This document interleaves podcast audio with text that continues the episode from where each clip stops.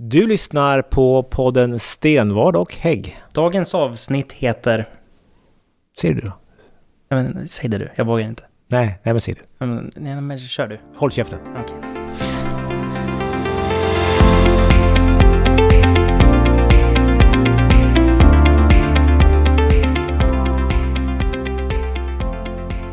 Ja, välkommen då till eh, april månads avsnitt. Vad hette nu avsnittet? Eh, ja, det här har ju varit en diskussion. Eh, vi landade väl i att antingen så får det heta eh, bara ett tyst ljud, men vi landade in i håll käften. Ja, man vågar inte riktigt säga vad det heter. Så. Nej, men det är väl det det ska handla om idag. Tystnadskultur. Ja. Att inte våga säga vad man tycker och tänker. Inom regionens del, men det kan ju också vara större än så. Va? Men eh, det, är ju en, det råder ju någon form av tystnadskultur inom Region Gävleborg. Har gjort det i många år. Det har det. Eh, det man känner det är väl att det har väl blivit, det har eskalerat eh, senaste åren. F- Framförallt så har väl tystnadskulturen blivit lite mindre tyst i just i det avseendet att det faktiskt har uppmärksammats att det finns. Eh, medialt. Men om någon blir tyst, märker man det då? Om ingen vågar säga hur saker och ting ligger till, hur ska man märka det? Ja. ja ge- grejen, det som har uppdag, grejen som har uppdagats nu det är väl att folk antingen anonymt har påpekat att det existerar en tystnadskultur och i vissa fall så har vissa klantat till det så att det har uppdagats ändå. Eh, trots att man kanske inte haft för avsikt att eh, visa på att det finns en eh, tystnadskultur i organisationen. så. Och det märks ju som sagt vad man kan ju höra saker ifrån medarbetare eller eh, personer runt omkring att eh, någonting har hänt eller någonting men man vågar inte gå ut och säga det. Eh, man kanske inte heller alltid vågar säga det till, till oss eller någon annan för man är rädd för att det ska komma fram att man har sagt det. Mm. Så att, eh, nej, vi har ju haft några, några eh, nyhetsinslag som har handlat just om det där. Eh, I höstas hade vi någon, eh, du kommer ihåg kulvertkonsten? Hur ska jag kunna glömma? Mm. När man eh, sa vad man, när vi sa vad vi tyckte. Mm. Eh, men det gjorde också medarbetarna. Mm. Och då finns det ju då, eh, ett exempel är ju då från Arbetarbladet då, 29 oktober där, eh, där man skriver då journalisten och det får vi ändå ta för att det har ju ändå, det är inte påhittat av någon elak opposition utan det här har ändå på något sätt hänt. Att det är ingen som vill ställa upp med namn och bild säger man. Och då citerar man, vår chef har uttryckligen sagt att vi inte får uttala, uttala oss om konstverket. Eh, gör vi det så riskerar vi att få sparken. Det var ju egentligen då den nuvarande debatten om tystnadskulturen tog fart. Eh, när det här kom fram i Arbetarbladet. Mm. Och, den där är ju, och då när man lyfter upp den frågan så, så vill man inte prata om det utan nej, det där stämmer inte och det är bara så. Men det finns ju fler exempel också. Nu har vi den här äh, barn och ungdomspsykiatrin. Eh, det vet du, det kommer du ihåg va? Eh, där man eh, har trixat med kösiffror. Vågar du säga trixat? Ja, sist jag sa det så åkte jag ju på en åthutning av hälso och sjukvårdsnämndens ordförande i regionfullmäktige. Men jag som... Jag vågar nog ändå påstå det. Jag räds inte en debatt med majoriteten i fullmäktige så. Och det var ju inte du som sa det först. Du Nej. citerar ju faktiskt bara tidningen, vad en medarbetare har sagt till tidningen. Anonymt. Anonymt har en medarbetare sagt till tidningen att de tillsnyggade eh, kösiffrorna till barn och ungdomspsykiatrin är missvisande. Det är alltså en medarbetare som anonymt har sagt det till tidningen. Jag lyfter detta i fullmäktige och då vart ju jag eh, boven i dramat och det kan jag väl ta på mig så. Men det är ju ändå medarbetare som har slagit larm och när man då från majoriteten står i debatten och säger till mig att det är oförskämt att säga så här så är det egentligen medarbetarna man säger till att det är oförskämt att säga vad man tycker. Och just den artikeln som finns då, nu är det i, i Hela Hälsingland, Hudiksvalls tidning, eh, i mars i år, där man då också lyfter upp det här och eh, man säger det här, vi har funderat noga på det här med lojalitet gentemot arbetsgivaren, men vi måste berätta. Det är familjerna som behöver vår hjälp och det är där vår lojalitet ligger mest, säger en av de anställda, som också är anonym. Mm. Så att eh, det är väldigt tydligt att eh, vissa medarbetare går ändå ut och säger vad man tycker, men man är tydlig med att man måste vara anonym. Hur var det? Det var ju också uppe i Hudik där man gick in och avbröt en intervju med som SVT hade med några medarbetare. Ja, det stämmer ju. De har ju gått riktigt i taket, SVT, när man då gör ett reportage och eh, intervjuar medarbetare. På sjukhuset. Man har full rätt att göra det. Det finns ingenting som hindrar det. Då stormar chefen in där och börjar eh, skrika om att han ville, vad gör man där och vill veta frågorna innan och, och eh, till slut så ledde hela den här situationen till att eh, de här medarbetarna vågade inte helt enkelt ställa upp en intervju. Eh, så. Vi har också hört, eh, fått återberättat ganska nyligen om hur man på ett annat sjukhus i länet eh, har blivit tillsagd att eh, eh, du ska inte svara på medias frågor, du ska bara hänvisa till pressavdelningen i Gävle. Mm. Det är också ett typiskt exempel på hur man försöker liksom styra medarbetarna att inte svara, hålla sig undan eller i, i annat fall då hänvisa till då en pressavdelning. Mm. Vilket inte heller är okej. Så att det här är ju några exempel på att det finns en tystnadskultur och vi märker ju den också när vi kommer ut och gör besök. Vissa medarbetare kan, de vill gärna berätta men de vill vara försäkra sig om att det inte kommer komma fram vem som har sagt det. Mm. Och eh, vi får ju alltid börja med att säga det som sägs här stannar här. Ja. Så. Och det är ju ofta vi är ute och gör besök liksom i verksamheter i vården där antingen innan vi när vi inleder besöket eller efter besöket så vill medarbetarna försäkra sig om att det är ingen som berättar att jag har sagt det här. Va? Eh, och det gör vi ju såklart inte.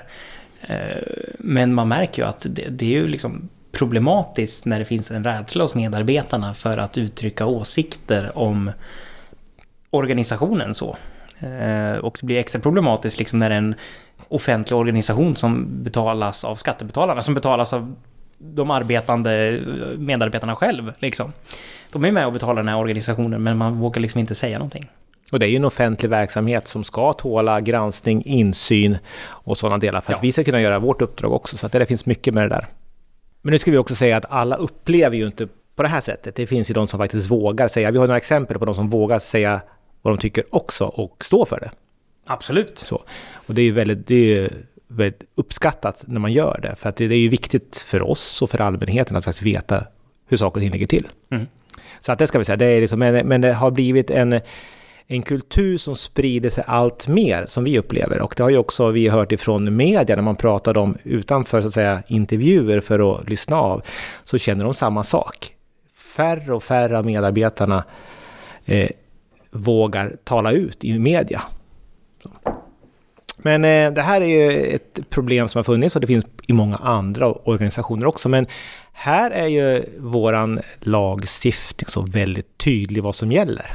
Det finns ju lagar som ska följas och eh, det är det här som det blir problematiskt. Och innan vi går in på lagarna i detalj så, så är det ju, det, det blir ju en skillnad på liksom en offentlig verksamhet som betalas av skattebetalarna, som vi liksom äger gemensamt, än att ett enskilt privat företag vid anställning kan kräva att det finns någon form av liksom, företagslojalitet för det finns affärshemligheter och en massa sånt där. Så att ett privat företag kräver en viss lojalitet mot företaget och att man inte aktivt liksom gynnar konkurrenter. Det är ju en sak. Men när vi är en verksamhet som ägs gemensamt offentligt, då blir det ju skillnad så. Så är det. Och eh, det ska vi också man vara medveten om att det här är liksom ett problem i offentlig finansierad sektor. För det är också ett privat företag som är offentligt finansierat har ju också de här skydden som finns. Mm. Och det är ju, vad är det den, den grundläggande lagstiftningen som gäller här? Nu är det, nu är det förhör. Är det grundlag eller en lag du är ute efter? Ja, grundlag. En grundlag? Ja. Uh, Yttrandefrihetsgrundlagen. Precis. Ja. ja, det där är, vi har ju några grundlagar. Men, ja, jag, jag kan men jag tänkte också på offentlighetsprincipen, men det kanske inte är mm. någon, det är ingen grundlag. Nu är du inne på massor med... du får inte ställa motfrågor sådär, det blir så konstigt. Ja. Nej men där, och där finns ju då delar som just då reglerar det här. Vi har ju då såklart, som lagen säger, yttrandefrihet. Du har alltså rätt att säga vad du vill eh, och hur du vill. Så. Det är ju grunden i det hela. Men det finns också någonting som säger att du har också rätt att vara anonym i, till media. Om du som medarbetare vill ja, tala om för media hur saker och ting ligger till så har du rätt att vara anonym. Och eh, vi som arbetsgivare har inte heller rätt att ta reda eller efterforska eller fråga ens en gång vem har sagt det här? Utan man har liksom, det är förbjudet att efterforska källan om du går till media. Mm. Det, det, regleras också i, i den här grundlagen. Då. Och sen så eh, finns det också ett ja, repressalieförbud. Alltså du får alltså inte bestraffa någon som har sagt vad de tycker. Eller du får inte ens hota med bestraffning eller ens att det uppfattas som att du kan bli bestraffad om du säger någonting. Som de här då som hade åsikter om kulvertkonsten. Att de bara känner att de har riskerat att få sparken eh, för chefen har uttryckt sig på något sätt. Då, då bryter man mot grundlagen. Det är alltså olagligt att den här känslan ligger som en våt filt över ja. de här verksamheterna. Ja. ja. Så det här är viktigt. Och sen till sist också, så där, sen, eh, det här inslaget vi pratade om som var på SVT, där då chefen ville se, han ville ju se inslaget innan det sändes. Mm. Alltså det är ju censur och det är också förbjudet enligt då grundlagen att du får inte censurera eller kräva att du ska censurera. Nej, tack och lov. Ja, så. Och det är här som skyddar oss. Det är här som skiljer oss från eh, andra auktoritära stater. Nordkorea. Där inte, ja, där det inte råder överhuvudtaget någonting. Så att det här är ju en viktig grundpelare i... Demokrati. Ja. Men det är ju också ny EU-lagstiftning på gång om att eh, man ska inrätta en whistleblower-funktion. Och det är ju på, på gång här i regionen nu också. Och det har vi ju pratat om genom årens lopp och också har ju folk motionerat om det. Inte det en motion från dig? Nej, jag tror inte jag har motionerat om det. det... Men är det från Moderaterna? Ja, jag tror ja, det är ja. Moderaterna. Så det ja. Men vi har lyft frågan flertalet tillfällen just mm. för att få upp den och då har man ju avfärdat den och sagt nej det där behövs inte för man kan alltid höra av sig. Vi har sån tillitsbaserad styrning så man kan alltid höra av sig men eh, det har ju visat sig att det, det gör ju inte folk på det sättet. Men nu då, tack EU för att vi får en tvingande lagstiftning. Det tackar vi EU-apparaten för. men den här ska ju också vara just extern. Det, du skulle kunna ha en visselblåsarfunktion internt, men då finns det ju en risk att man kan avslöja var det kommer ifrån. Så det här är ju nu en extern funktion man kommer kunna eh, rapportera till via någon, säkert någon hemsida, mm. eh, som då kommer titta på det här och som sen kommer då avidentifiera och göra så att det blir så att säga inte spårbart och sen skicka in det till regionen. Mm. Så de kommer ju inte tala om för oss vad det är vi gör för fel, men däremot så kommer de se till att informationen blir eh säker och icke spårbar. Så att, vi får se när det kommer till då, men eh, det där har vi lite, lite koll på. Jag vet att upphandlingen pågår just nu, så det dröjer nog säkert till hösten innan det där är igång då. Men det är bra att det kommer på plats. Men eh, det här med tystnadskultur och att, att man inte vågar säga vad man tycker är egentligen ett problem. Ja, det tycker jag ändå att det är. I att man liksom in... Ska inte medarbetarna jobba på och inte lägga sig i så mycket? Ja, fast det, det, det vi var inne på tidigare, det här är liksom, det är en, inte vilken organisation som helst. Det är liksom en organisation som betalas av skattebetalare och då tycker jag man kan kräva att det råder transparens och även att medarbetarna känner att det råder transparens, att man kan vara öppen och ärlig om vad man tycker om verksamheten. Så. Det... Och, och vad händer om man inte känner att det finns en eh, tillåtande ja, klimat, att man får säga vad man tycker? Och... Det värsta vore väl att det fanns så pass allvarliga problem eh, just när det är vård vi diskuterar, i alla fall det råder en stor brist inom någon viss verksamhet inom sjukvården så och medarbetarna känner inte att det här vågar vi inte rapportera om och så resulterar det att det begås liksom allvarliga fel när vi vårdar patienter. För att ingen vågar uppmärksamma det. Det är ju det värsta skräckexemplet. Eh, men det är ju samtidigt ett problem oavsett hur pass gravt ett problem är. Att det kan få fortlöpa för ingen vågar eh, lyfta att det finns.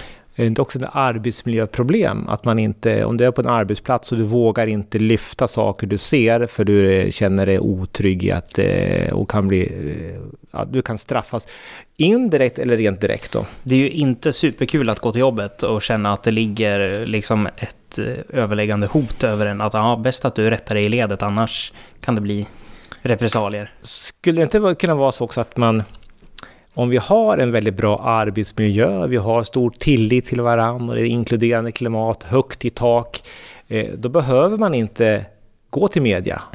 Utan då vågar man och känner att man kan säga det internt till sin chef eller till chefens chef eller andra medarbetare och på det sättet kunna utveckla och förbättra vår verksamhet. Ja, alltså det allra bästa vore ju ifall det var så överallt inom regionen och när media ringde att medarbetarna kunde svara och eh, det enda man sa var att här är allt fantastiskt. Eh, och de fel jag hittar, de eh, kan jag lyfta upp och så, så jobbar vi med dem tillsammans för att åtgärda dem. Ja, ja. men där är vi inte riktigt idag. Vi har en, en resa kvar. Men, vi har men, en bit kvar. Ja, ja. Men eh, vågar du säga vad du tycker? Vågar vi som politiker alltid säga vad vi tycker? Handen på hjärtat. Jag upplever ändå att jag vågar det så. Eh, kan det inte vara så att det är någon diskussion du säger bara nej, jag orkar inte säga det här för det blir så jäkla liv. Vi tar kulvertkonsten igen. Ja, alltså, ja. om vi tar just själva kulvertkonsten, den debatten. Där var vi ute och sa vad vi tyckte och då var det diskussionen, ja, politiker ska hålla armlängds avstånd och mm. politiker ska inte få tycka någonting om konst. Nej. Och det är också en jävla konst, ursäkta språket, men jäkla konstigt att se på yttrandefriheten så. Och ska jag tycka att yttrandefriheten gäller alla utom politiker. Eh, men... Eh, men när man blir så hårt ansatt så blir man ju också tystad indirekt. Man känner bara, nej men orkar jag ta den här diskussionen på Twitter idag? Nej, jag går och tar en kopp kaffe istället. Men då är frågan om det grundar sig i att man är rädd för mothugget och rädd för att bli tystad. Mm. Personligen kan jag lite mer känna när vi hade den här kulturdebatten i regionfullmäktige som blev ganska mjäkig och vi alla bara gick upp och höll med varandra. Så kände jag mer att det bara var så här ren lathet att oh, jag orkar inte käbbla för mycket. Ja, det var ju inte så jätteaktiv den, den debatten. Nej, utan då var, var det... Men det är frågan om det var rädd... Jag vet inte om det var rädsla för att bli tystad. För personligen tror jag mer att det var ren lathet just då, att jag orkar inte gå upp och tjonga nu, för då kommer vi hålla på i fem timmar till. Men sen har vi också, det finns ju också en, i samhället, inom en region eller inom ett parti finns också en åsiktskorridor på något sätt. Att det är här som man ska tycka. Tycker man så här så håller alla med och det blir så. Men tycker man annorlunda då, då blir det jobbigt. Vi har ju exempel inom, inom, under pandemin så har det varit väldigt tydligt att den här åsiktskorridoren har varit, är det så här vi ska tycka? Och tycker man annorlunda, med vaccin säger vi. Eh, först och främst, man ska vaccinera sig. Så. Eh, men eh, tycker man annorlunda, då blir man ganska hårt ansatt även inom politiken av andra politiker. Mm. Ja. Och det är ju också ett problem. Och det, det, ja, jag upplever också just debatten kring, inte bara vaccinet så, men just debatten om restriktioner där liksom i slutändan när omikron kom, som inte var lika eh, farlig som de andra varianterna. Så var det så här att är man inte för restriktioner då vill man att folk ska dö. Alltså det, mm. man, folk drar ju till sin spets liksom. Och jag tyckte väl att de, den senaste vågen restriktioner som var, var lite väl överdriven sett till eh, hur pass farlig eller ofarlig omikron var. Men tyckte man det, då var det liksom, ja, ah, så du tycker att människor ska liksom mm. bli sjuka och dö. Men eh, det var ju inte det, utan jag tycker väl inte att man kan införa restriktioner varje år. Eh, utan man får hantera smittan på annat sätt. Så att eh, som sagt var, eh, vi kanske inte är de som är tysta direkt, kan man inte säga. Men, men däremot så är det väl så att man tänker ju till, liksom, vad, vad, vilka diskussioner ger man sig in i? Vi, alltså, men skillnaden för oss är väl vi jobbar ju med att tycka. Ja. du är ju proffstyckare. Du har betalt för att tycka. Vi har, ja, vi har betalt för att tycka. Um, och vi och vi ska också, för att ta diskussionen och ta debatten. Och vi är också i opposition. Vi ska, tycka, vi ska reagera på vad andra tycker och uh, ha en uh, ganska en granskande ja. inställning också. Och då uh, kan det bli ganska jobbigt i en diskussion. Ja. Bara av den anledningen. Ja. Men det där ska vi väl ändra på i höst. Då är det vi som ska bli granskade. Precis, helt rätt. Men vad säger du Patrik, ska vi avsluta med ett citat från Voltaire? Vi brukar ju citera folk, men Voltaire, det var, det var länge sedan. Ja, det var, det var länge sedan. det var ehm, passande. Uh, och det är ju att uh, jag delar inte din åsikt, men jag är beredd att dö för din rätt att uttrycka den. Ja, men det är väl fint sagt. Mm. Nu säger, viskar man att det är felciterat, men... Men du, du, du, har ju rätt att felcitera också. Ja, det, det är min förbannade rätt att få felcitera Voltaire. Utan att bli bestraffad. Precis. Ja, vi på den. Så det, det är, även om du är felciterat så är det ett bra citat. Så du får ta det själv då. Citat Alexander, felcitera inte mig på den nu. Uh, Ja, nej, men som sagt det här är ett allvarligt ämne som vi har pratat om. Eh, och eh, vi har en lång väg att vandra. Nej, men det finns mycket att göra med det här och vi, som vi säger så har det blivit eh, mer och mer tyst ut i våra verksamheter genom årens lopp och det här bekräftas ju också av media.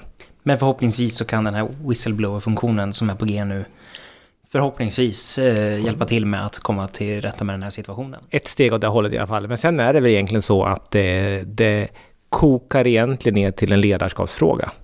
Så är det. Eh, att du som ledare, vilket klimat odlar du i din organisation? Odlar du ett klimat där det är högt i tak och man får säga vad man tycker och man faktiskt bejakar människors rätt att säga vad man tycker? Eh, då kommer den sprida sig neråt också och då... Men det kommer ta tid. Så är det. Mm. Men förhoppningsvis är vi på rätt väg Mm. och eh, på väg att byta ledarskap. Ja. Det här var aprilavsnittet och eh, vi kommer fortsätta att göra våra poddar fram till, till valet och det är några kvar nu men sen så är det skarpt läge. Är du taggad för valrörelse? Alltid Ja. taggad på valrörelse och vi syns i slutet av maj. Och ett tips från coachen, gå inte ut och demonstrera på första maj. Fira valborg istället. Precis. Tips från en moderat. Tack så mycket för att ni har lyssnat och på, ja vi säger väl som vanligt då, på återhörande. Tack och hej!